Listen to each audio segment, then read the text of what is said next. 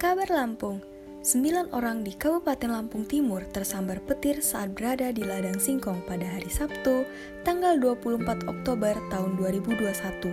Akibatnya, dua warga tewas di lokasi kejadian, tepatnya di Desa Beraja Asri, Kecamatan Wejapara, Kabupaten Lampung Timur. Terhitung ada tiga kali petir menyambar, di mana sambaran ketigalah petir itu menyambar sembilan orang pekerja yang berada di gubuk. Mari kita bahas fenomena cuaca ini bersama Ranti dan Gilang. Apa sih petir itu, Lang?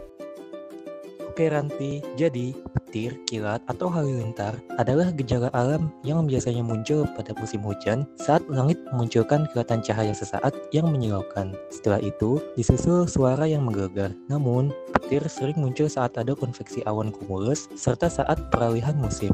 Bagaimana petir bisa terjadi?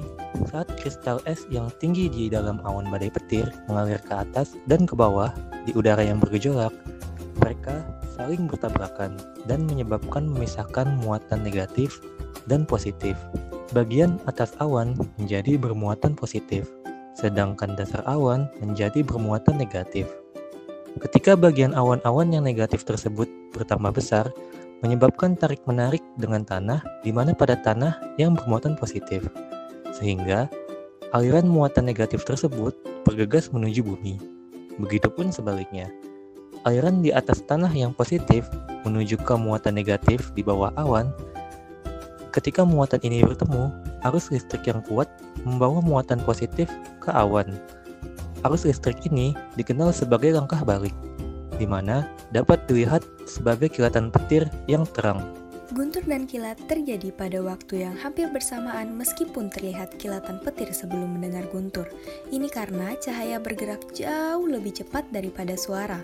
Petir memiliki empat jenis, namun dalam kasus ini petir yang terjadi adalah jenis petir cloud to ground di mana petir yang terjadi pelepasan muatan antara awan dan tanah. Kemungkinan tersambar petir adalah satu banding satu juta. Meskipun cukup kecil, beberapa faktor lain dapat menambah kemungkinan sambaran petir. Dampak dari sambaran petir ini sangat serius, dapat menyebabkan luka bakar hebat dan mempengaruhi jantung.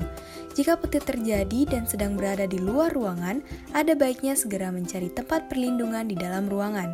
Hitunglah selama 30 detik, jika tidak ada petir lagi, tidak perlu mencari perlindungan. Jika ada, segeralah berlindung. Jika petir terjadi dan sedang berada di daerah terbuka, segeralah berjongkok dan menunduk, serta tangan menutupi telinga.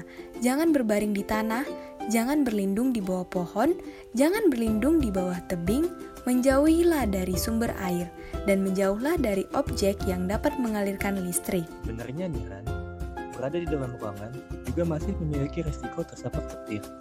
Maka, jauhilah air selama petir terjadi, jangan gunakan peralatan elektronik, jangan gunakan telepon kabel, dan jangan bersandar di tembok atau duduk di lantai. Nah, sekian perbincangan kita kali ini mengenai fenomena cuaca yaitu petir. Untuk teman-teman semua, tetap hati-hati ya. Sampai jumpa di perbincangan kita selanjutnya. Dadah.